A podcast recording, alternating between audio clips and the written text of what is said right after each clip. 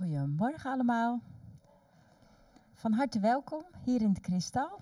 Van harte welkom thuis, waar u misschien luistert naar de kerktelefoon. Of waar u achter de laptop of wat voor apparaat meekijkt. Van harte welkom bij ons. En van harte welkom als u op een later moment uh, de opnames uh, afkijkt of uh, afluistert. Het is weer een prachtige dag. Het weer misschien niet, maar wij mogen hier zijn uh, met een mooie groep. Ik heb ook allerlei nieuwe gezichten gezien, daar word ik ook altijd blij mee. En uh, het is zondag en dus feestdag, zo ben ik opgegroeid. En het is ook vandaag feest, want uh, we mogen herbevestigen, bevestigen. Er gaan mensen weer taken op zich nemen of taken overdragen en andere taken opnemen. En dat vind ik feestelijk, dus het is een feestje. Waar gaan we het nog meer over hebben? Ja, we zijn vorige week al begonnen met nadenken over uh, natuur. Oh, staat een knopje uit? Die moet ik nog aanzetten. Jullie merken dat het live is, dus dan kunnen er altijd dingen anders gaan dan we verwachten. Staat, staat hij nu aan. Vorige week zondag zijn we begonnen met nadenken over, als we kijken naar de wereld, klimaatcrisis, milieuramp en dergelijke.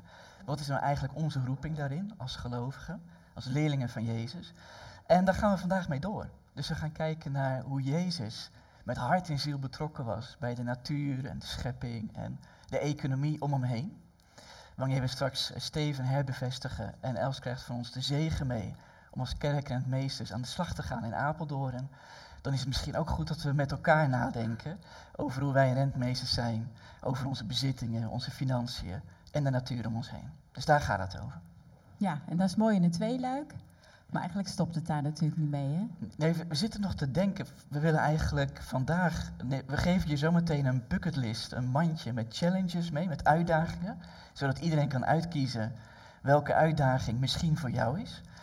Als een soort roeping of taak voor jou. En we zitten nog te kijken wanneer we daarop terugkomen.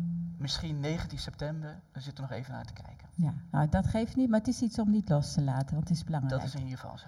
Maar er zijn heel veel belangrijke dingen in Gods Koninkrijk. En uh, daar kunnen we elkaar natuurlijk ook in helpen. Helpen onder de aandacht brengen. Helpen, bid in gebed, bid voor de belangrijke zaken. En uh, bid vooral dat het werk in Gods Koninkrijk door mag gaan. Ik, uh, ik denk dat ik voorga in gebed. Even nog, er staat een geweldige band klaar.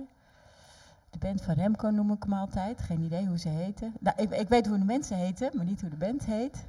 En uh, het is best, uh, best gedaan om goed op afstand van elkaar te staan. Dus daarom staan ze een beetje in een knik. Maar gaat met geluid allemaal goed komen. We zullen stil zijn voor gebed. Trouwe Vader in de hemel, dank u wel voor deze kans om hier weer in vrijheid bij elkaar te komen. Dank u wel als onze gezondheid het ons toeliet om hier te komen. Of als onze gezondheid het toestaat om op afstand mee te kijken of mee te luisteren. Heer, ik dank u voor alle groei die mogelijk is in de fontein en in de wereld. Heer, wees ook onze raadgever daarin. Zend uw Heilige Geest dat wij die kant op bewegen waarvan u het belangrijk vindt. En help ons onze broeders en zusters te herkennen. Zoals we wereldwijd uw kerk en uw lichaam zijn. We vragen u zegen, zegen over deze dienst. Geef dat San de woorden van u mag spreken. En dat alles wat we hier doen tot eer van uw grote naam is. Dat vragen we om Jezus wil. Amen. Amen. Ja, aan het begin van een dienst als deze, dan bemoedigen we elkaar met woorden om echt je hulp te verwachten van de Heer onze God. Hij heeft de hemel en de aarde gemaakt. Hij is trouw tot een eeuwigheid. En ook wat hij met jou begonnen is, hij laat het niet los, maar hij zet het door. Er is genade voor jullie allemaal en vrede van God onze Vader, van Jezus Christus onze Heer, in de eenheid van de Heilige Geest. Amen. We willen graag samen een eerste lied zingen. Het is het lievelingslied van Daniel en Hanke. Daniel en Hanke hebben in de afgelopen weken een pracht, prachtige zoon gekregen met de naam Zion. Maar Zion is wel geboren met een beperking, dus het is best spannend. Ze zijn gisteren thuisgekomen uit een lang verblijf van het ziekenhuis in Utrecht. En met het zingen van dit lied gaat over schuilen bij God. Met al je zorgen, al je troubles bij Hem komen. We zingen dit lied dus ook echt in gedachten aan Hem. God onze schuilplaats. Zingen we samen staande.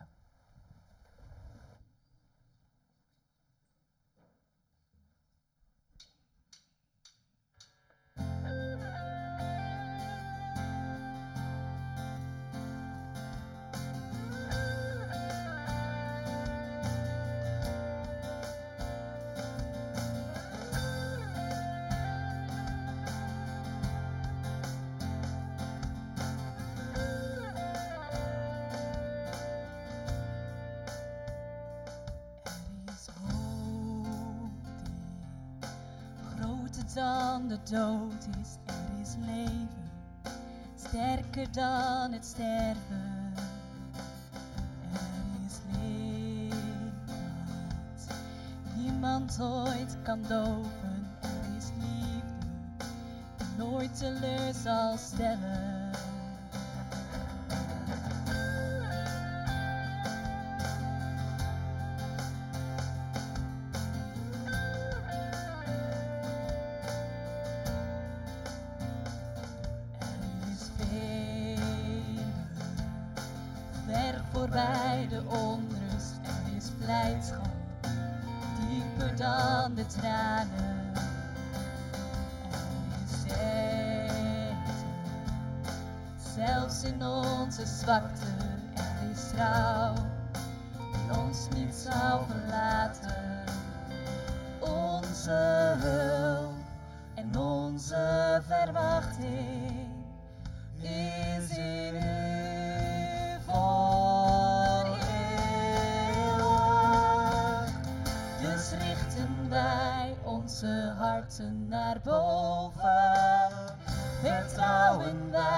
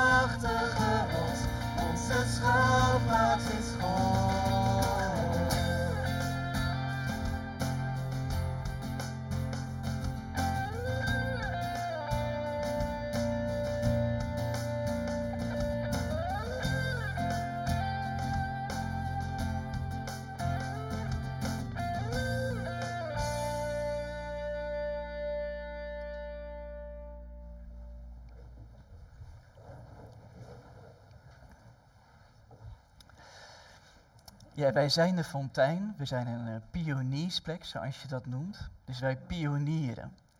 En daarmee bedoelen we dat we eigenlijk aan het zoeken zijn hoe je in 2021 kerk kan zijn voor de stad. En met de nadruk op voor de stad. Dus we proberen de fontein zo op te bouwen en verder te bouwen, dat we niet al te veel met onszelf bezig zijn, onze eigen organisatie, maar dat we zoveel mogelijk bezig zijn met de stad Apeldoorn, de mensen die hier wonen, de problemen en de mooie dingen die gaande zijn, hoe we aan kunnen sluiten en voor mensen een schuilplaats kunnen zijn. En mensen kunnen helpen om in de stad dit soort schuilplaatsen te bouwen. Dat doen we onder andere door kerkrentmeesters. Daar zit het woordje rentmeester in. Het zijn uh, broers en zussen in het geloof vanuit ons als de fontein, die zich in gaan zetten voor de protestantse kerken in Apeldoorn. Er zijn verschillende kerken in Apeldoorn die zichzelf protestants noemen, met onze pioniersplek die daarbij hoort. En die kerken hebben ondersteuning nodig in Apeldoorn. Om goed na te kunnen denken over hoe je het geld dat we samen bijvoorbeeld binnenbrengen op zo'n manier uitgeeft dat niet zozeer de kerk, maar de stad erdoor wordt verder opgebouwd. En er mooier door wordt in de naam van de Heer Jezus. En er zijn twee gemeenteleden, Steven en Els, en die hebben toegezegd om in de komende jaren de Algemene Kerkraad van de Protestantse gemeente in Apeldoorn te dienen. Steven zal dat doen als ouderling kerkrentmeester.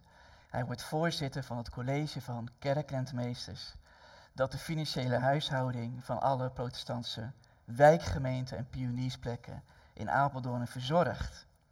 Steven was al actief als ouderling voorzitter van de kerkenraad. Daarom zal hij zometeen herbevestigd worden. Het betekent dat we hem kort zullen herinneren aan de belofte die hij een aantal jaren geleden heeft uitgesproken. En daarna zullen we hem de zegen meegeven voor zijn werk. Want zoals Nellek al zei, in het koninkrijk van God gaat het er niet om dat je zomaar even aan de slag gaat en je actieplannen gaat uitvoeren. Maar dat je je openstelt voor wat God aan je geeft en wat God door je heen wil doen. Els zal aan de slag gaan als kerkrentmeester, secretaris van hetzelfde college van kerkrentmeester in onze kerk van Apeldoorn. En Steven en Els, we zijn jullie oprecht dankbaar dat jullie hiervoor beschikbaar stellen. We zijn er ook een beetje trots op.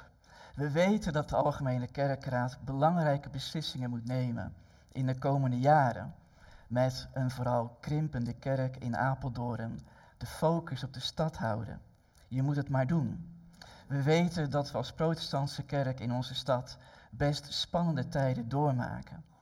Daarom bidden we met en voor jullie en geven jullie straks de zegen van God mee.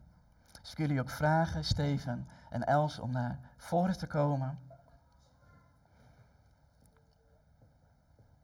En als jullie daar willen gaan staan, ik weet niet of het goed werkt met de camera, dan ga ik even bij jullie staan.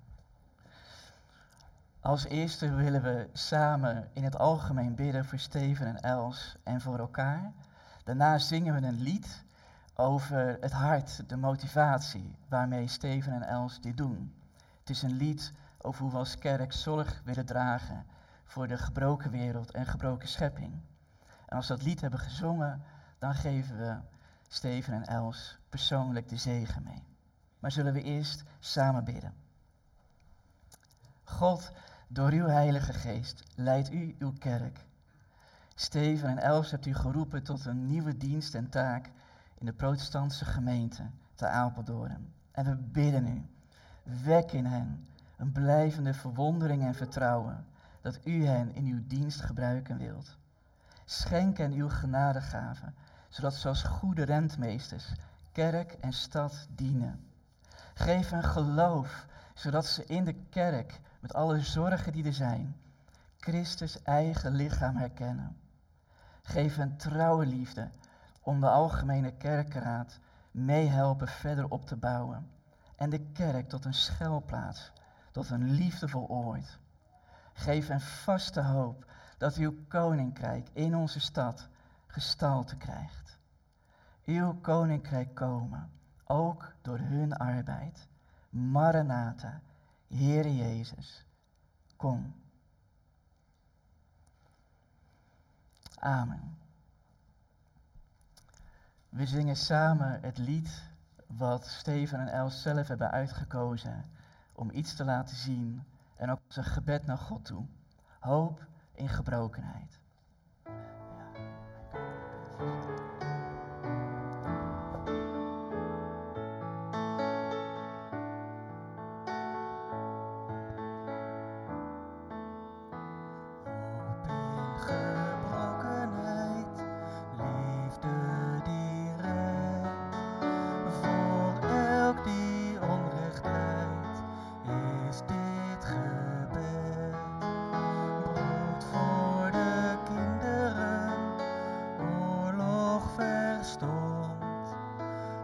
sad.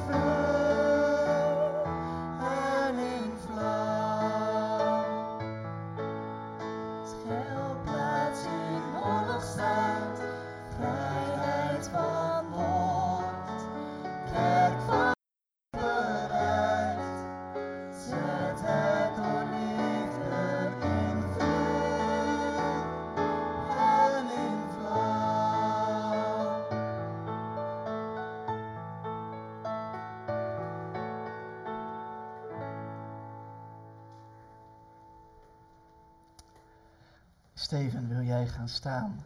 En Els, je mag gerust naast naast hem komen staan hoor. Um, ik denk zo hier in het zicht van de camera, dank jullie wel. En in het zicht van de gemeente. Ja, ja als je hen die microfoon wil geven, Nelleke, voor een ja-woord, dan is dat heel fijn. Broeder Steven Lobrecht. Eenmaal bent u in het ambt van ouderling in deze gemeente bevestigd, als voorzitter van de Algemene Kerkenraad. Daarbij hebt u uitgesproken dat u de Heilige Schrift aanvaardt als enige regel van het geloof en dat u zich wilt verzetten tegen al wat daarmee strijdig is. U hebt beloofd geheim te houden wat vertrouwelijk te uw kennis mocht komen en uw taak te vervullen overeenkomstig de orde van onze kerk die uw ambtswerk zult voorzetten als ouderling kerkrentmeester en voorzitter van het college van kerkrentmeesters, stellen we u de volgende vragen. Bent u ervan overtuigd dat God zelf u door zijn gemeente opnieuw tot deze dienst heeft geroepen? En belooft u ook verder uw trouw, uw ambt te bedienen met liefde voor de gemeente en voor alle mensen die de Heer op uw weg brengt? Wat is daarop uw antwoord? Ja. Mag ik je uitnodigen, Steven, om te knielen?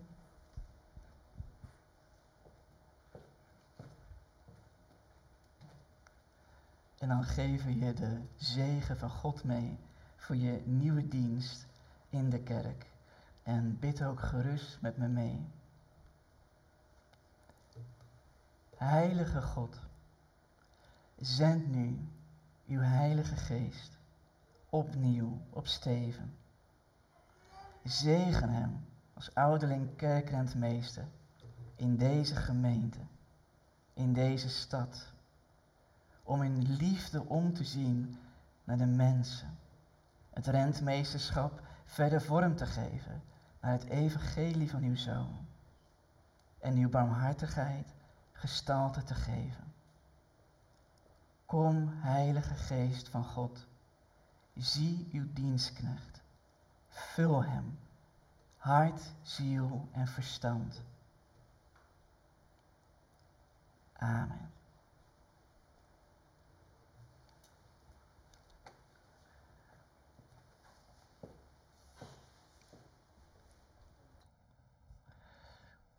Zuster Elston Brabe, nu u uw taak aanvangt als secretaris van het college van kerkrentmeester, willen we ook graag voor u bidden dat God u vult met zijn geest. Wilt u ook knielen, zodat we samen de zegen aan je mee kunnen geven. Zullen we samen bidden? Heilige God, zend uw Heilige Geest op Els. Beziel haar opnieuw met uw liefde voor mensen. Schenk haar uw wijsheid om haar taak te vervullen. Het rentmeesterschap verder vorm te geven naar het evangelie van uw zoon. En uw barmhartigheid gestalte te geven.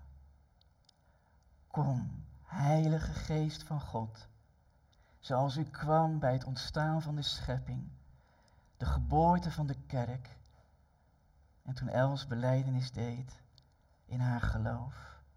Val opnieuw op haar en vul haar leven voor deze dienst en taak. Amen.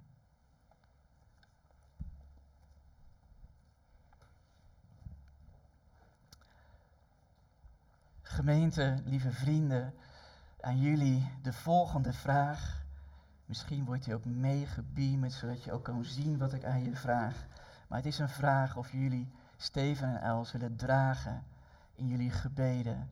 En ook hen willen meehelpen in de taak die ze op zich nemen.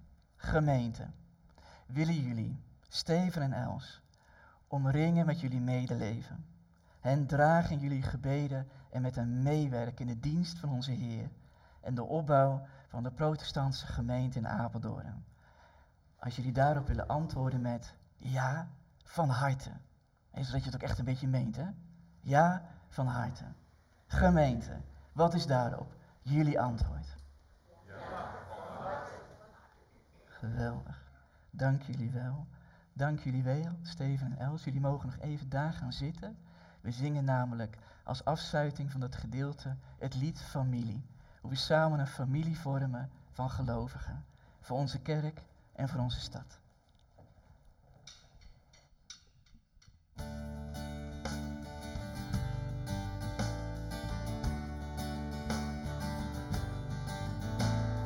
Mooi en hoe heerlijk, als wij als familie, als broers en als zussen, om elkaar geven. In open en eerlijk, met elkaar omgaan, de vrede bewaren. En eensgezind leven. In het mooiste geschenk. Wordt ons gegeven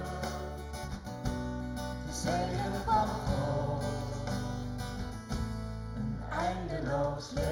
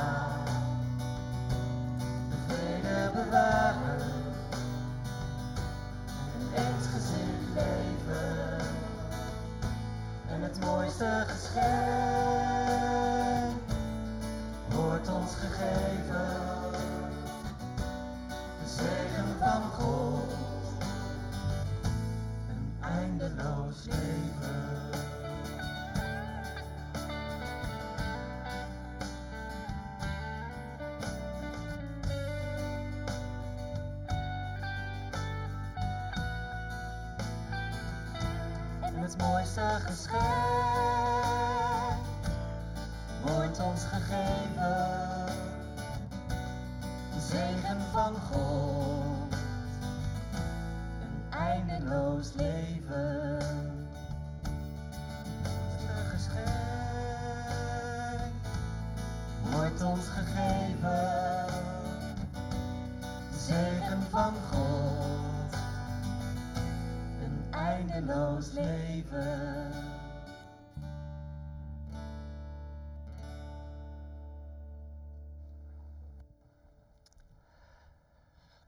is dit het punt in de viering dat de kinderen meegaan met Marjan op avontuur.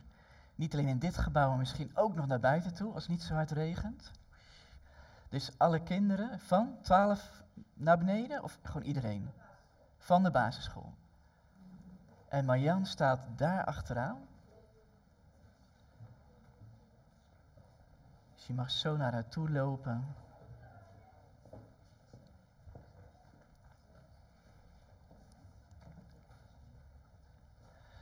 Terwijl Steven en Els ook weer gaan zitten. Wij gaan samen eh, zingen tot Gods eer. We zijn echt heel dankbaar dat God mensen als Steven en Els geeft om als het ware voor ons ook wat werk te doen. Maar we doen dit echt samen. Dus we willen ook samen God loven. Dat is het eerste lied. En daarna ook God bidden dat Hij ook ons inzet. Eh, voor alles wat Hij wil doen. In deze wijk en in deze stad om ons heen. Zullen we samen gaan staan en de Heer loven en hem prijzen en bidden.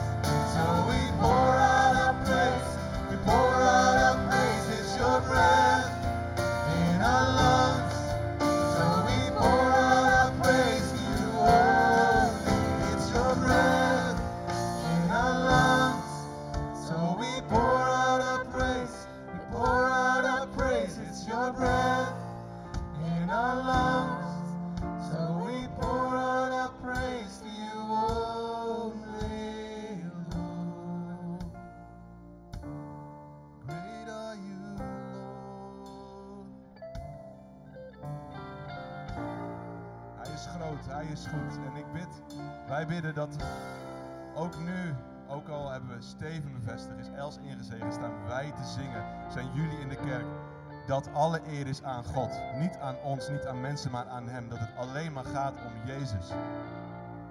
Is dat moeilijk om je hele leven om Jezus te laten draaien? Ja, want het is best lekker om het om jou te laten draaien. Maar ik heb ontdekt, en misschien jullie ook wel steeds meer, dat als het van jou, van mij afhangt, het best wel zwaar wordt. En wat Jezus heeft gedaan aan het kruis. Dus hij heeft gezegd, we heb je lasten op mij. Jij hoeft het niet te doen. Ik heb het volbracht, ik heb het gedaan. En daarom willen we het volgende lied zingen een prijslied, een, een, een ehm, beleidenislied. Eh, dat je ook toegeeft, want het gaat niet om mij, het gaat om Jezus. Only, only, only Jesus. Alleen Jezus.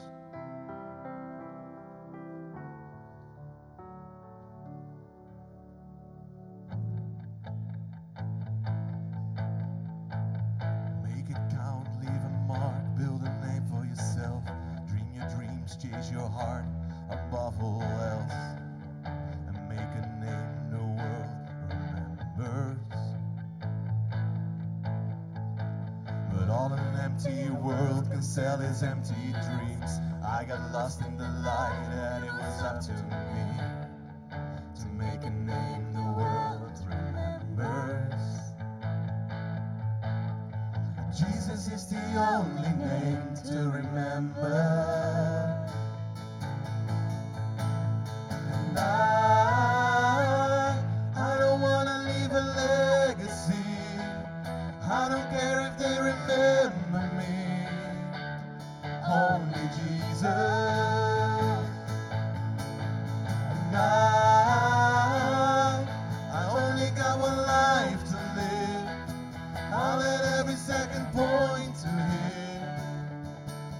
religion.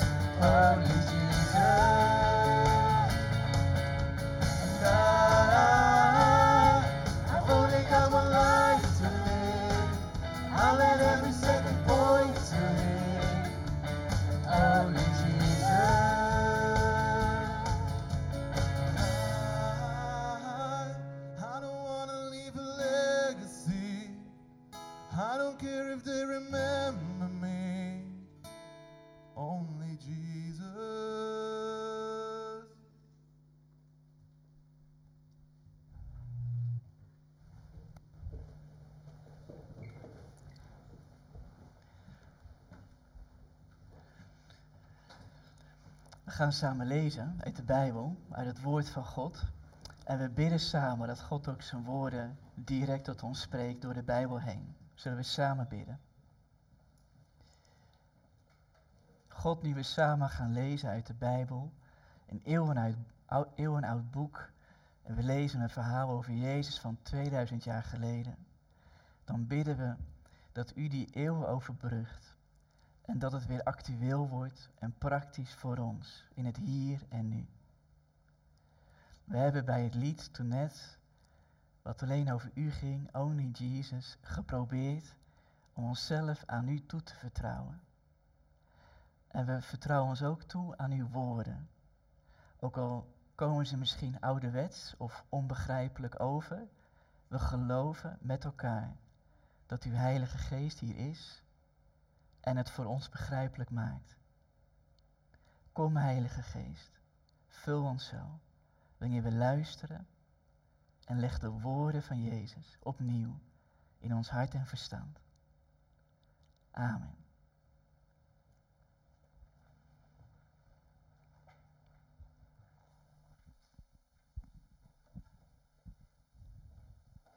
Ik lees twee gedeeltes uit Marcus 1.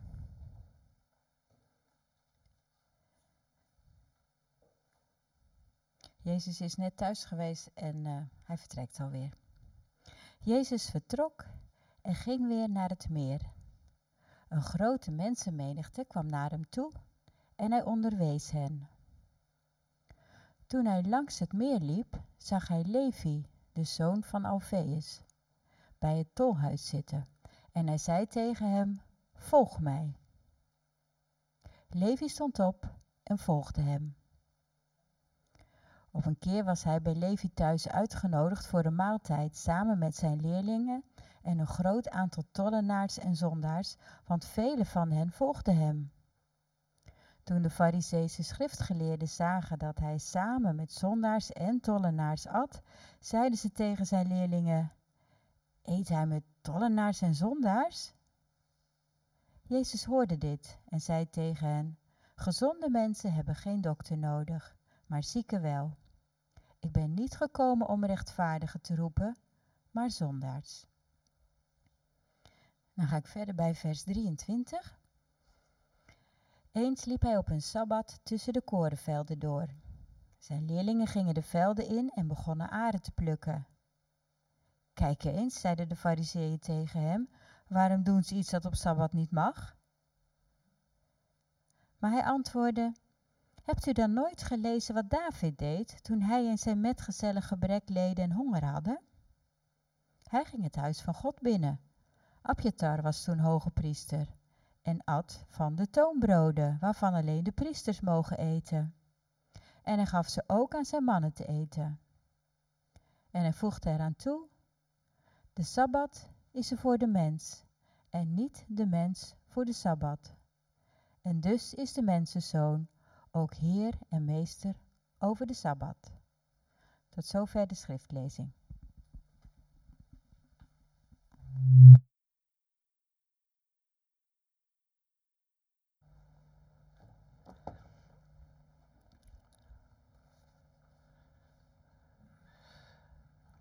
Goedemorgen, lieve vrienden. En zeker voor als je hier zit en je bent niet zo gewend om naar wat wij noemen een preek te luisteren. Goedemorgen en succes. Ik ga proberen om ongeveer binnen 20 minuten, 25, 20 minuten. We gaan voor 20 minuten, oké? Ik ga proberen om binnen 20 minuten je iets te vertellen over waarom de Heer Jezus doet zoals Hij doet in de verhalen die we net hebben gelezen. En wat het met jou te maken heeft en met de klimaatcrisis en het milieurampen om ons heen. Ik begin even met een intro om je een beetje warm te maken en je een beetje ook gevoel te laten krijgen bij het onderwerp. Dan ga ik even kort met je kijken naar die twee verhalen van Jezus. En ik eindig natuurlijk met vuurwerk, dat snap je wel. Laten we beginnen. Nederlanders willen massaal terug naar de natuur. Wist je dat? Nederlanders willen massaal terug naar de natuur. Je leest er niet alleen over in kranten en tijdschriften, er worden blogs, er worden hele boeken over geschreven over de persoonlijke zoektocht van mensen naar meer contact met de aarde of met zichzelf of met de natuur. De Amsterdamse dertiger Marjolein van Heemstra is zo'n blogger. Ze is ook theatermaakster en ze zoekt naar meer ruimte in haar leven. En met dat meer ruimte in haar leven bedoelt ze letterlijk de ruimte, het heelal.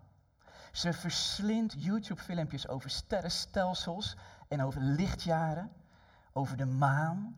En elke dag ontvangt ze updates van NASA over wat de wagentjes allemaal ontdekken op Mars. Het, het onthaast haar, want in lichtjaren heeft niemand haast. Haar interesse begon toen ze André Kuipers, een Nederlandse astronaut, hoorde vertellen hoe hij in de ruimte, kijkend naar de aarde, werd overvallen door een gevoel van liefde voor deze planeet. Overvallen door een verlangen om haar te beschermen. En ook wel overvallen door een inzicht dat wij mensen een ultieme eenheid vormen met de natuur om ons heen. Het gevoel om deel te zijn van iets groters. Het heelal, dat zo wonderlijk en mysterieus in elkaar zit. Nou, die blik van de astronaut, die wil deze Marjolein van Heemstra zichzelf aanleren. Ze wil stadsastronaut worden, zodat ze, ook wanneer je woont in de stad, toch met die blik naar de planeet kan kijken en de natuur om je heen. Dat je iets van overweldigende liefde en zorg en interesse voor de aarde bij jezelf voelt. In een van haar boeken beschrijft ze een moment dat ze s'nachts wakker ligt in bed, overprikkeld door haar werk en haar studie en moe van alles, voelt ze zich helemaal verloren. En ze zoekt om te horen bij iets, om ergens te zijn, echt te zijn. En dan schrijft ze het volgende. Ineens, schrijft ze, vind ik het belachelijk dat ik niet weet waar ik woon. Wel mijn huis ken, maar niet de bodem waarop ik leef. Ik pak een schep uit de balkonkast, loop naar beneden en licht wat tegels. Ik stuit op bouwzand, mieren, torens, snoeren, buizen, wormen, duizend kleine dierengaatjes. En dan water. Ik weet dat het grondwater hier in de buurt hoog staat en toch schrik ik van die plas. Hoe kan je leven van zoveel water zo dichtbij? En waar die schep niet kan komen, daarover lees ik s'avonds verder. Ik lees over de klei waar ik met mijn gezin op woon, de vermalen schelpen rond de palen waar ons huis op staat, de meters zand die gletsjers uit Scandinavië onze straat induwden, waarop zich later de toenders vormden. 40 meter diepte onder mijn huis ligt grond die ooit bewandeld werd door beren, mammoeten, neushoorns zelfs. En verder naar beneden, diep onder de toendra het zand, een rots. En daar weer de aardkorst waarop we leven. Dun als een perzikschil, boven lavakernen. En voorbij die lavakernen, voorbij het midden van de aarde, opnieuw de aardkorst. En dan grondlagen en daarboven de stille oceaan. En moet je lezen en horen wat ze dan zegt. Die avond voel ik me voor het eerst, sinds de coronamaatregelen van kracht werden, niet meer geïsoleerd. Het helpt me te weten waar ik ben, ergens te zijn en via dit ergens overal. Nou, deze dertiger is hier niet alleen. Als je de onderzoeken van het afgelopen jaar op naslaat, ik heb er meerdere gelezen, word je snel helder dat de meerderheid van Nederlanders zich niet alleen zorgen maakt over natuur en klimaat, maar er ook meer van wil weten. En bereid is om in te leveren om de aarde te herstellen. Een paar cijfertjes voor je. In november 2020 was 55% van de Nederlanders groot voorstander voor een hogere prijs voor vlees. En vlees kopen uit je stad zelf of de boeren in de omgeving. Drie op de vier zou de auto vaker laten staan. De helft pleit op een beperking voor vliegen. En meer dan 60% van de ondervraagden heeft behoefte aan meer informatie. Over de grond waarop ze leven, de lucht die ze inademen, het voedsel dat ze eten. Er is dus iets gaande in onze samenleving. Er zijn niet alleen apocalyptische berichten over de instorting van ons leefklimaat in de komende decennia. Nederlanders willen leren hoe je als stadsastronaut weer het gevoel aanleert van liefde en verwondering en verbondenheid met de aarde waarop je woont. Of, zoals een bekende klimaatonderzoeker uit het Afrikaanse Senegal het zegt, hij zegt in het Engels, ik doe het in het Nederlands. Als je de plek waar je woont niet leert liefhebben, als je de plek waar je woont niet leert kennen, als je de plek waar je woont niet tot je neemt, dan kun je haar ook niet redden. Van Baba Dioum. Ik ken hem niet, maar ik vond het een mooie uitspraak. Als jij jouw stukje aarde wil verzorgen, wil redden, leer haar kennen en leer haar liefhebben. Nou heb jij misschien geen zin om met een schep in de tuin te gaan graven, of je buren zien jou aankomen, maar ik denk dat de meesten van ons zich wel herkennen in het verlangen om goed voor de aarde te willen zorgen. Maar waar begin je? Waar begin je met houden van de aarde? Te leren kijken naar de aarde met een blik van een astronaut. Nou, vanmorgen kijken we naar twee verhalen uit het leven van Jezus. Het eerste verhaal, hoe Jezus de tollenaar Levi uit zijn tolhuis roept. Het tweede verhaal, hoe Jezus met zijn leerlingen op Sabbat iets doet wat niet mag. Sabbat is de zaterdag, de rustdag in het Israël. Door graan te eten van het veld. En allebei die verhalen beginnen met de plek waar Jezus op dat moment werkt. Het eerste verhaal begint met toen Jezus langs het meer liep. Het tweede verhaal begint met eens liep Jezus tussen de graanvelden door. En die plaatsbepalingen, die locaties bij het meer, tussen de graanvelden, dat is een terugkerend patroon in de beginjaren van Jezus' werk. Als de schrijver Marcus, Marcus is de biograaf van Jezus, als Marcus je vertelt over het werk van Jezus, zijn revolutionaire liefde voor mensen, zijn verkondiging van het koninkrijk, zijn wonderlijke kracht, speelt de natuur, de Jordaan, de woestijn, uh, het meer, de graanvelden op de achtergrond een serieuze rol. Marcus laat je zien dat Jezus de stukjes aarde die hij wil redden, eerst moest leren kennen en liefhebben voordat hij ze kon redden. Net als in de uitspraak van die klimaatonderzoeker uit Senegal. Dat leren kennen en liefhebben van zijn stukje aarde is ook bij Jezus een groeiproces geweest. Dat laat ik je zien, omdat het je, denk ik, als je iets met Jezus te maken wilt hebben en een leerling van hem wil zijn, dat je hetzelfde groeiproces doormaakt. Ik laat je zien. Jezus' verhaal begint bij zijn doop in de Jordaan. Waar de geest van God op Jezus neerkomt en hem vervult op het moment dat hij uit het water opkomt nadat hij in de rivier is gedompeld door de profeet Johannes. Nou, daar begint het leven van Jezus zich te verweven met de natuur van zijn land, van zijn stukje aarde en met de geschiedenis van zijn stukje aarde. Jezus wordt ondergedompeld in de Jordaan. Dat is een superbelangrijke rivier in het oude bevrijdingsverhaal van Israël, maar het is ook de hoofdbron van al het drinkwater in de regio van Jezus. Ze is de bron van het meer, waar Jezus vaak werkt, en van talloze irrigatiekanalen en beken door de graanvelden van de boeren in de omgeving. In dat water wordt Jezus ondergedompeld en vervuld van Gods geest. Zodat de Jordaan niet langer voor Jezus een rivier is, maar dat Jezus die rivier kent en begrijpt wat er gebeurt in het land. Nou, naar het water van de Jordaan volgt de woestijn. Gedoopt in de Jordaan met de Heilige Geest drijft de Heilige Geest Jezus de woestijn in. Niet alleen om vertrouwd te raken met het geschiedenisverhaal van het verbond tussen God en Israël op de woestijnberg Sinai, maar ook om vertrouwd te raken met het woestijnklimaat dat het land van Jezus sterk bepaalt. Na water en woestijn volgen het meer en de graanvelden.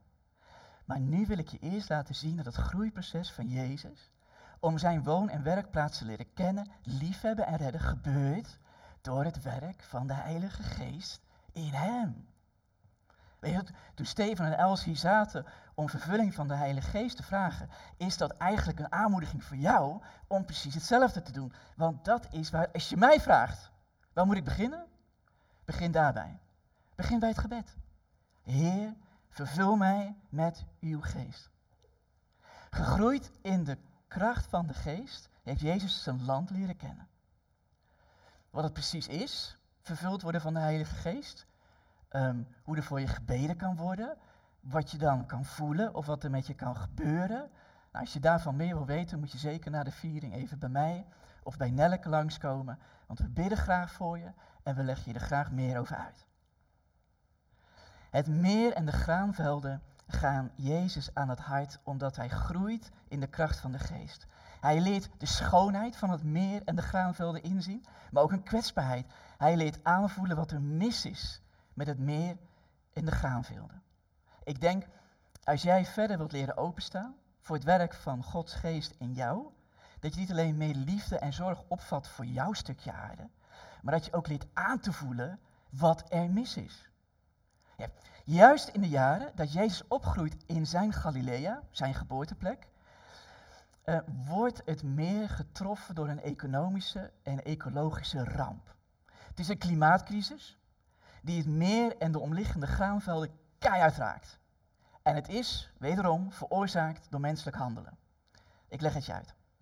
Wanneer Jezus ongeveer 14 jaar woont, vindt er in de hoofdstad van het Romeinse Rijk, dat toen tijd heel Israël bezet hield, in de hoofdstad van het Romeinse Rijk vindt een machtswisseling plaats.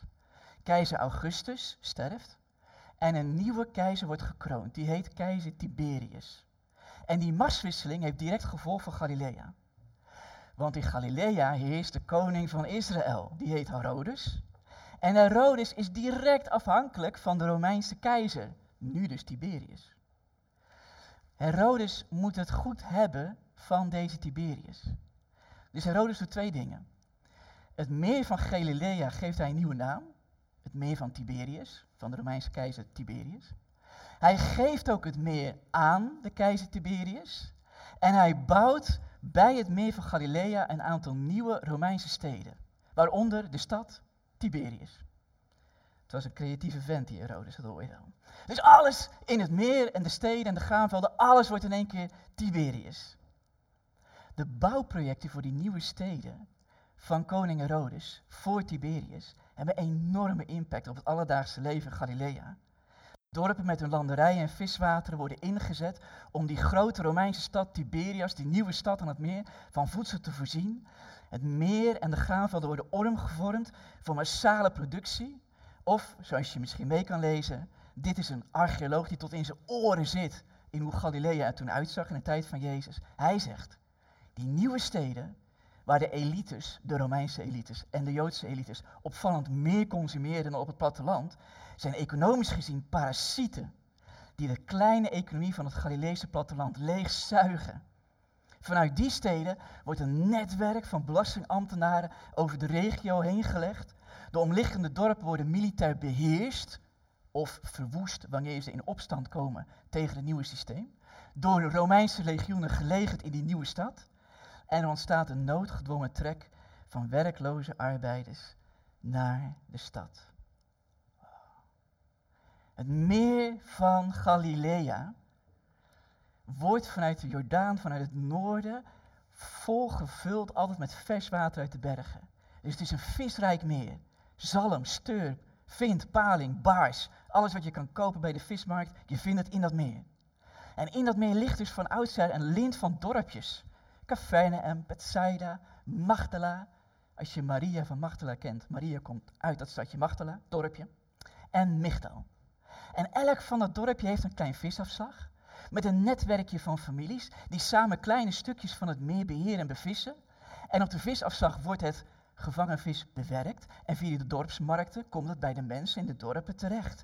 Maar nu wordt het meer door koning Herodes opgeheist voor die gast Tiberius in Rome. En je begrijpt wat er gebeurt. Er wordt geïnvesteerd in de visafslagen. Die worden groter, schaalvergroting. En omdat er veel wordt geïnvesteerd in de bouwwerken, gaat de belasting van de gemiddelde boer en de gemiddelde visser omhoog. Maar daarnaast, het is jouw meer niet meer. Het is van Tiberius.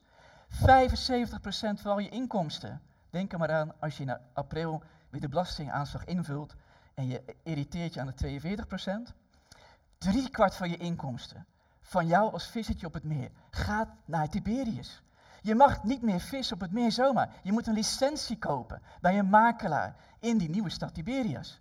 En je moet alleen een licentie kopen. Je moet over het hele proces van vis bewerken, moet je belasting gaan betalen. En de vis gaat niet meer naar de familie zelf in de dorpen. Het vis, wat daar is ontwikkeld, sporen daarvan vinden archeologen nog steeds terug in de rijke villa's van Rome. Die vis, het meer werd natuurlijk leeggevist, net zoals in onze tijd, alleen nu doen wij het. Wij zijn nu de Tiberiussen van de wereld.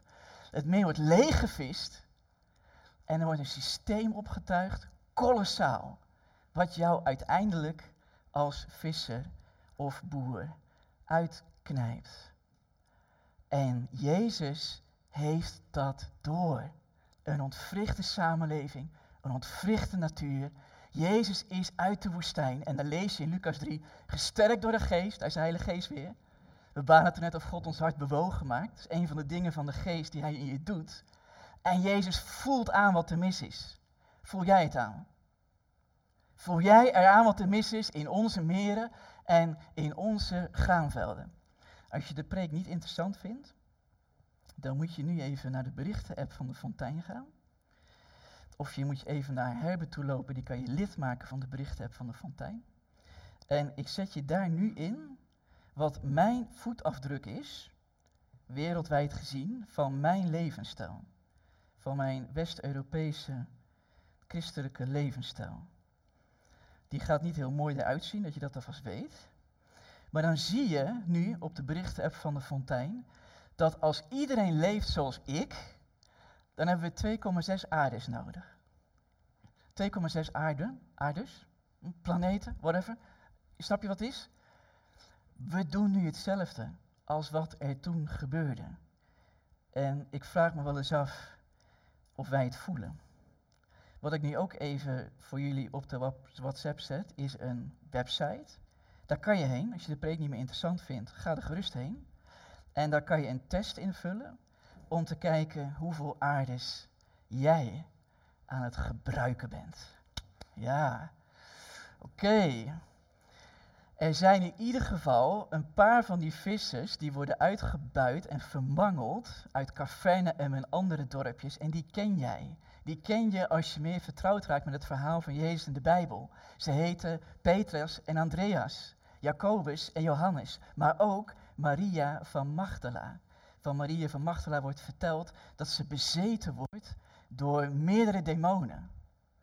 En in de interpretatiegeschiedenis van vooral de mannen, die zeiden, oh dat komt waarschijnlijk omdat ze prostituee was. Oké, maar laat ik je een vraag stellen.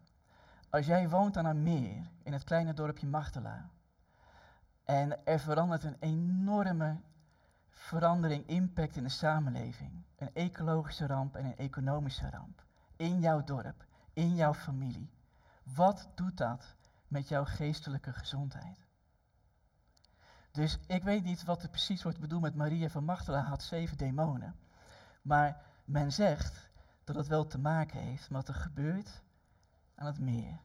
Dus Jezus verzamelt zijn eerste leerlingen uit die vissers. Als het ware de onderkant van het systeem. Maar dan lees je, dat lazen we toen net, dat als Jezus met die vissers en ook met Maria van Magdala aan het werken is rondom het meer, en hij komt een tolhuis tegen en een tollenaar met de naam Levi, dat is dus een kruimeldiefje in het ziekmakende systeem van Herodes, ter ere van Tiberius. Dan zegt Jezus tegen Levi, kom erbij. En mogen we in jouw huis maaltijd houden. Dus wat Jezus doet, is hij creëert een nieuwe beweging van vervuilers en mensen die getroffen worden door de vervuiling. Hij creëert iets nieuws in die tijd van mensen die 2,6 aardes gebruiken, zoals ik. Ik ben de tollenaar, ik ben de zondaar, dat je dat even weet. En als jij meer dan één aarde gebruikt, jij ook. Hij creëert een beweging van de mensen die de aardes misbruiken en de mensen die daardoor keihard getroffen worden. En hij creëert een tafelgemeenschap. Ze dineren samen, ze houden samen maaltijd. En ik stel me zo voor dat Maria van Magdala en Levi samen aan die maaltijd zitten. Het lijkt me één, een mooi stelletje voor een Hollywoodfilm. Maar twee, is natuurlijk een enorme andere kijk op het geheel. Want de christelijke kijk op het geheel is dus, het eerste wat jij nodig hebt, is dat je in de beweging van Jezus komt. En dat je de mensen gaat ontmoeten die er de dupe van zijn, dat jij meer dan één aarde nodig hebt voor je levensstijl. Het begint bij Jezus zelf en de verzoening die Hij creëert. Eerst tussen jou en Hem en dan tussen jou en de anderen. Zodat als jij gaat werken aan jouw acties als het gaat om klimaat en natuur en voedsel, dat je het doet vanuit het gevoel en vanuit het wetenschap dat je vergeven bent. Er is geen schaamte bij Jezus. Er is geen schande bij Jezus. Er is geen, oké, wij als westerse mensen, wij zijn de grote daders, wij doen het fout, het is eigenlijk hopeloos, want wat kan ik eraan doen dat 80% van mijn kleding is gemaakt door kinderarbeiders in Pakistan en andere landen? Dat, dat is er niet. Wat er is, is dat Jezus zegt, wil je deel worden van die gloednieuwe beweging voor mij. Die mensen eerst verzoent met mij, zodat je geen last meer hebt van je geweten en van allerlei schuldvragen. En dan breng ik je in contact met de mensen die last hebben van jouw levensstijl. Waarvan Jezus trouwens wel zegt, dat moet je dan wel toelaten. Dat is het werk van mijn geest in jou. En zo ontstaat er dus een hele nieuwe beweging rondom dat meer van Galilea. Er is een heel bekend verhaal uit een, het verhaal van een andere biograaf van Jezus, uit Lucas. Dat gaat over een Zacchaeus. Kijk, waar Levi nog een kruimeldiefje is in het ziekmakende systeem van Herodes. Zacchaeus is een hoofdtollenaar. Die is er verantwoordelijk voor. En wanneer Jezus een van die maaltijden van hem houdt, tussen de vissers en de Maria van Magdalaas, en Zacchaeus is daar, dan wordt Zacchaeus zo geraakt door de verzoening, de vergeving en de herstel en de heelheid die Jezus hem aanbiedt. De vrede die Jezus aan hem geeft. Dat hij opstaat en hij zegt, kijk heer, de helft van mijn bezittingen geef ik weg aan de armen. En ik denk dat Jezus toen zijn keel heeft geschraapt. En toen herinnerde Zacchaeus zich dat er in de wet van Mozes staat dat als je te veel hebt genomen van iemand, dan vergoed je het vier of vijfvoudig. Dus vervolgens zegt Zacchaeus, en heer, viervoudig vergoed ik als ik te veel heb genomen van mensen. Ja, dat is natuurlijk gewoon vreugde, hè? Weet je hoe ontzettend goed het voelt? Hoeveel vrede er bij je binnenkomt, hoeveel rust er bij je binnenkomt, maar ook heel hoeveel motivatie en kracht wanneer je Jezus zijn werk bij jou laat doen. En wanneer je Jezus geest zijn werk bij jou laat doen. Weet je, je mag voor mij zeker een milieuactivist worden. Zou ik super gaaf vinden. Ik ben het een beetje aan het leren. Dus ik ben aan het aansluiten bij Extinction Rebellion en zo. Ik ben een beetje mijn weg aan het ontdekken. Maar voordat je milieuactivist wordt, zou ik willen voorstellen dat je de persoon ontmoet die 2000 jaar geleden al een wereldwijde beweging op touw zette. En die zegt, doe het vanuit je hart. Doe het vanuit de vrijheid die je krijgt van mij. Vanuit de vergeving en de verzoening. En de mensen met wie ik je in contact brengt. Dat is toch geweldig dat je op kan gaan staan en dat je gewoon kan zeggen, luister eens, het maakt allemaal niks meer uit, Jezus. Ik heb die mensen ontmoet, ik zie het, ik voel het, ik, uw geest in mij is aan het werk. Als ik ergens iets te veel afpak, je moet even kijken voor de grap op mijn screenshot van mijn voetafdruk, hoeveel autokosten ik gebruik. Ik gebruik bijna twee keer zoveel als dat eigenlijk kan. Omdat ik iets van 15.000 kilometer per jaar rijd. Als ik daar activistisch mee aan de slag ga, als een milieuactivist, dan ga ik me schamen. En ga ik me rot voelen. En vervolgens verandert er echt helemaal niks. Echt helemaal, ja eventjes. Maar daarna verandert er helemaal niks. Nu kan ik zeggen, Heer, geef me je Heilige Geest. Wat moet ik hiermee? En geef me de kracht ook om ook aan onmogelijke dingen te denken. Zoals mijn auto wegdoen. Gloep. Oh, daar heb ik nog heel veel Heilige Geest van nodig, denk ik. Maar Jezus creëert die beweging waar je onderdeel van kan worden. En dan als laatste. Het tweede verhaal, daar kan kort over zijn. Het tweede verhaal gaat erover dat je gaat doen wat niet mag. Want dat doen Jezus en zijn leerlingen. Dus Jezus heeft een leerlingengroep van Zacchaeusen en van Levi's en van Maria van Magdala's en van vissers. En Jezus trekt die hele groep zodanig in wat er mis is, dat ze honger hebben. Serieus, Jezus en zijn leerlingen hebben honger. Nog wel op Sabbat. Sabbat is de zaterdag, de rustdag in Israël. Het is een feestdag. Elke rabbi of leraar of leider, zoals Jezus, zou moeten worden uitgenodigd bij een gegoede familie om daar enorm heerlijk te kunnen dineren met de beste influencers van de stad. Maar Jezus loopt hongerend en ook zijn mensen hongerend. Die leerlingen van Jezus gaan zo met hun voeten in de klei staan. Nou, het komt gewoon niet tot hun heup. Ze gaan helemaal erin wat er mis is. Weet je wat, toen net, blijkbaar heeft Els gevraagd, willen jullie dit lied, wat we net zongen bij de kerkrentmeesters, Hoop op gebrokenheid. Els heeft blijkbaar gevraagd, wil je dat lied zingen? Maar weet je wat er staat in het lied? Er staat, geef mij tranen. Geef mij, geef een gebroken hart. Maar Jezus doet dat. Dus ze lopen hongeren rond in die graanvelden en ze gaan doen wat precies al die uitgebuite vissers en boerenfamilies moeten doen. Ze gaan toch maar gewoon een beetje van de aarde plukken. Dat betekent zo'n aard pluk je ervan af. Je spuugt erop. Je wrijft er zo in je hand een bolletje van. En je stopt het zo in je mond. Eén, het is niet lekker. Twee, het vult niet. Het is een beetje hetzelfde als hoe onze opa's en oma's, tenminste die van mij, in Den Haag in de Tweede Wereldoorlog bloembollen moesten eten. Dat doet Jezus en zijn leerlingen.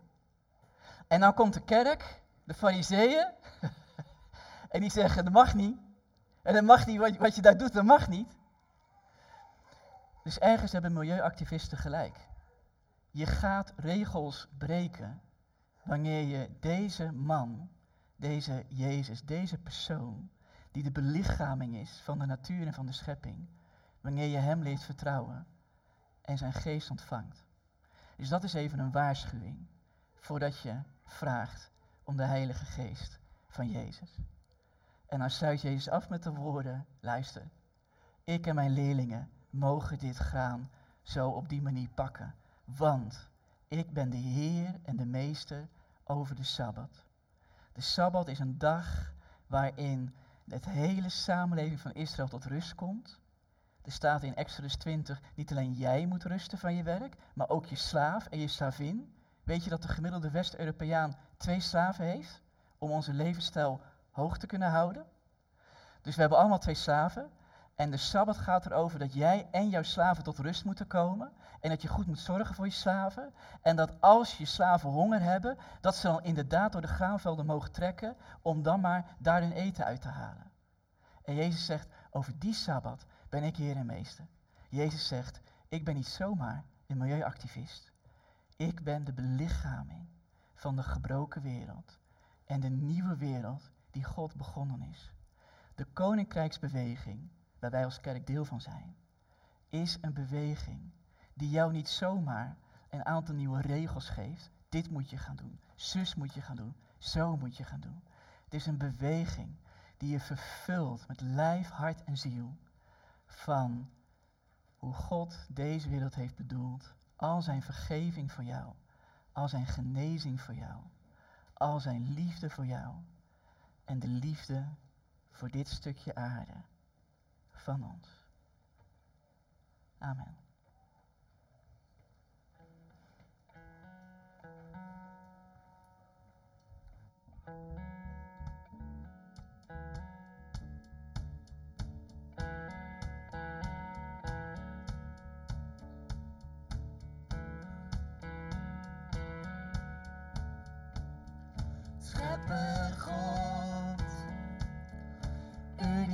Alles adem geeft, laat mij zien wat waarde heeft.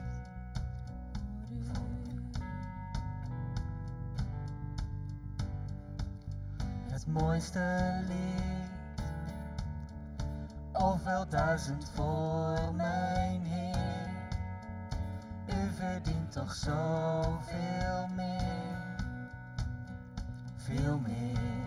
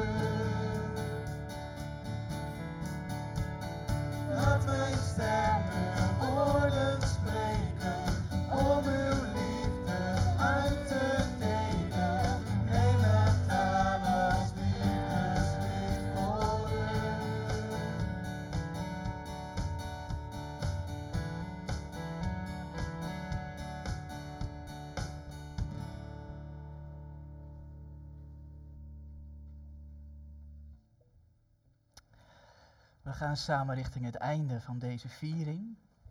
Als je hem wat lang vindt duren, dat komt door mij, komt door mijn preek. Als je volgende week komt, dan is mijn collega Sjoerd. Die doet het gewoon netjes kort, dat je het weet. Maar zullen we samen ons richten op God en Hem danken? Er zijn verschillende voorbeden ingeleverd, die zal ik noemen. Zullen we zo samen bidden met elkaar?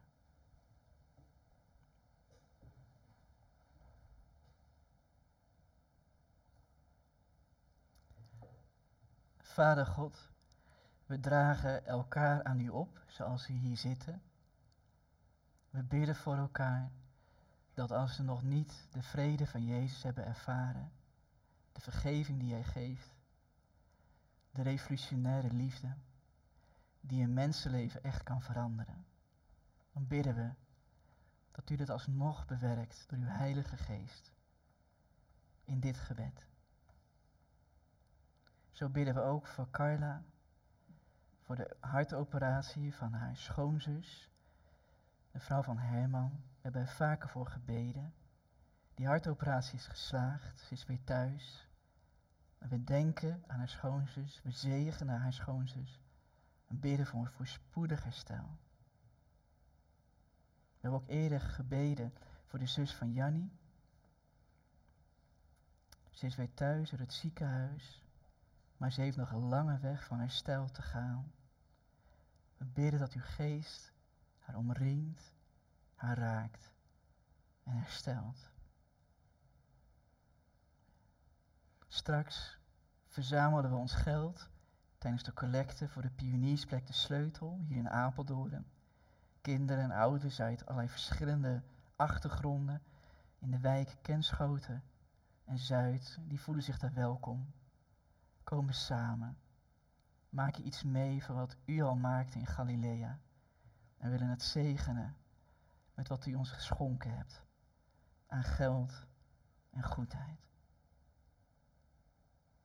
Wanneer we collecteren, ook voor onze eigen geloofsgemeenschap en pioniersplek, bidden we dat elke euro die we ontvangen, dat daar uw Heilige Geest in meekomt.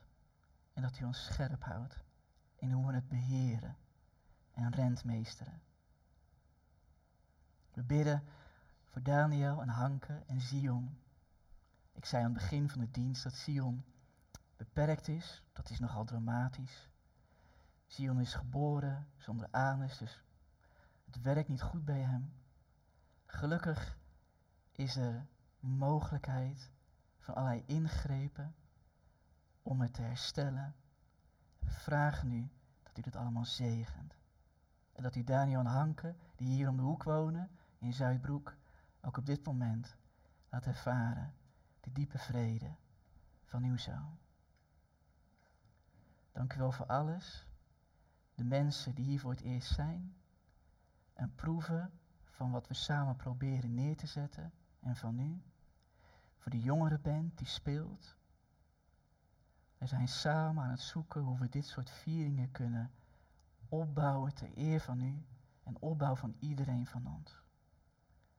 We geven het terug aan u en we danken u, Vader, Zoon en Heilige Geest. Amen. We gaan collecteren, we halen het geld op dat we samen willen geven aan die pioniersplek de sleutel, aan ons eigen werk. Uh, dat kan via een QR-code die zometeen verschijnt, maar er gaat ook denk ik wel iets rond waar je geld in kan doen. En als we daarmee, nou, ik denk dat de kinderen nu al binnenkomen. Dus sommigen zijn nog heel fanatiek, wat goed zeg. Want de kids zullen natuurlijk wel even vertellen wat ze hebben uitgesjouwd natuurlijk in Zuidbroek. Dat snap je wel, hè? Namens ons. Dus zullen we eerst collecteren, Marianne, dat jullie dan binnenkomen? Komt goed, ja, we collecteren eerst en dan komen de kinderen naar binnen.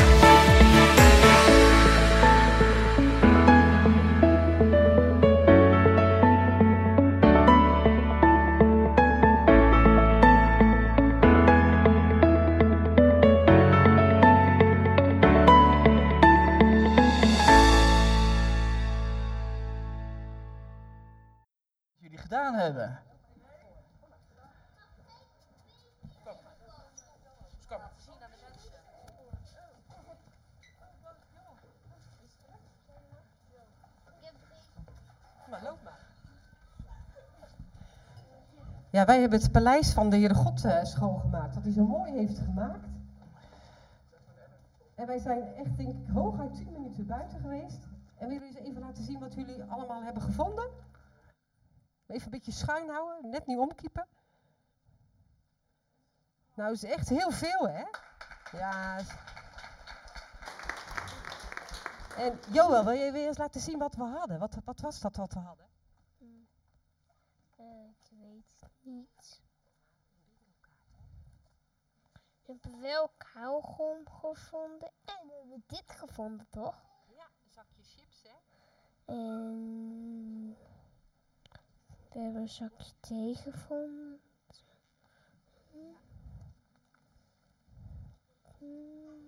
Kijk, Johan heeft heel veel gevonden. Die had een bingo kaart met allemaal spullen wat je zou kunnen vinden. En je hebt er nou 1, 2, 3, 4, 5.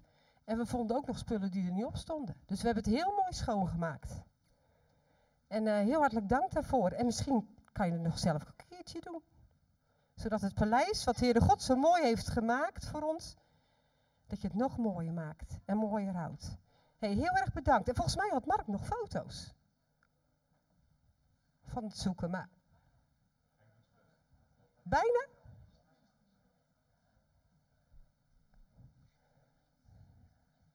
Nou, dan wil ik nog even een mooi bruggetje maken. Want de Heere God heeft niet alleen de aarde geschapen als een mooi paleis, maar hij heeft nog een paleis gemaakt. Weet je aan welk paleis ik denk? De mens als paleis? Ja, dat dacht ik niet aan. De mens is wel heel mooi. Maar ik dacht aan een ander paleis. Dat is het uiteindelijke paleis, de hemel. Denk eens aan de geboorte van de Heer Jezus. Bethlehem en de stal. Dat is het paleis waarin hij heel dicht bij ons is gekomen. Mooi hè, die vader Als zullen we eerst zingen en dan de foto's? Ja? Nou, dan mogen jullie even naar je vader en moeder toe. En heel erg bedankt. En afval mag je laten staan.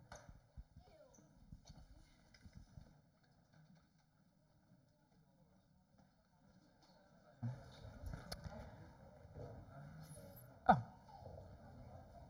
Voilà.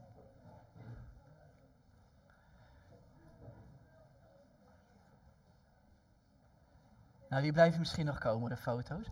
Um, nu we toch aan het uitlopen zijn, uh, wordt voorgesteld door de band dat we een zegenlied zingen voor de kinderen die allemaal morgen naar school gaan. Dus dat, dat vind ik mooi. Dat zegenlied, dat kunnen jullie gewoon zingen en wij kunnen meeneurien of meebrabbelen. Vast wel. Gewoon het bekende lied, ik zegen jou, hoor ik? De Heer zegent jou. Dus uh, kinderen, vinden jullie het mooi om even... Ah, blijf maar gewoon zitten, we zegenen als je naar school gaat, dat je met God gaat.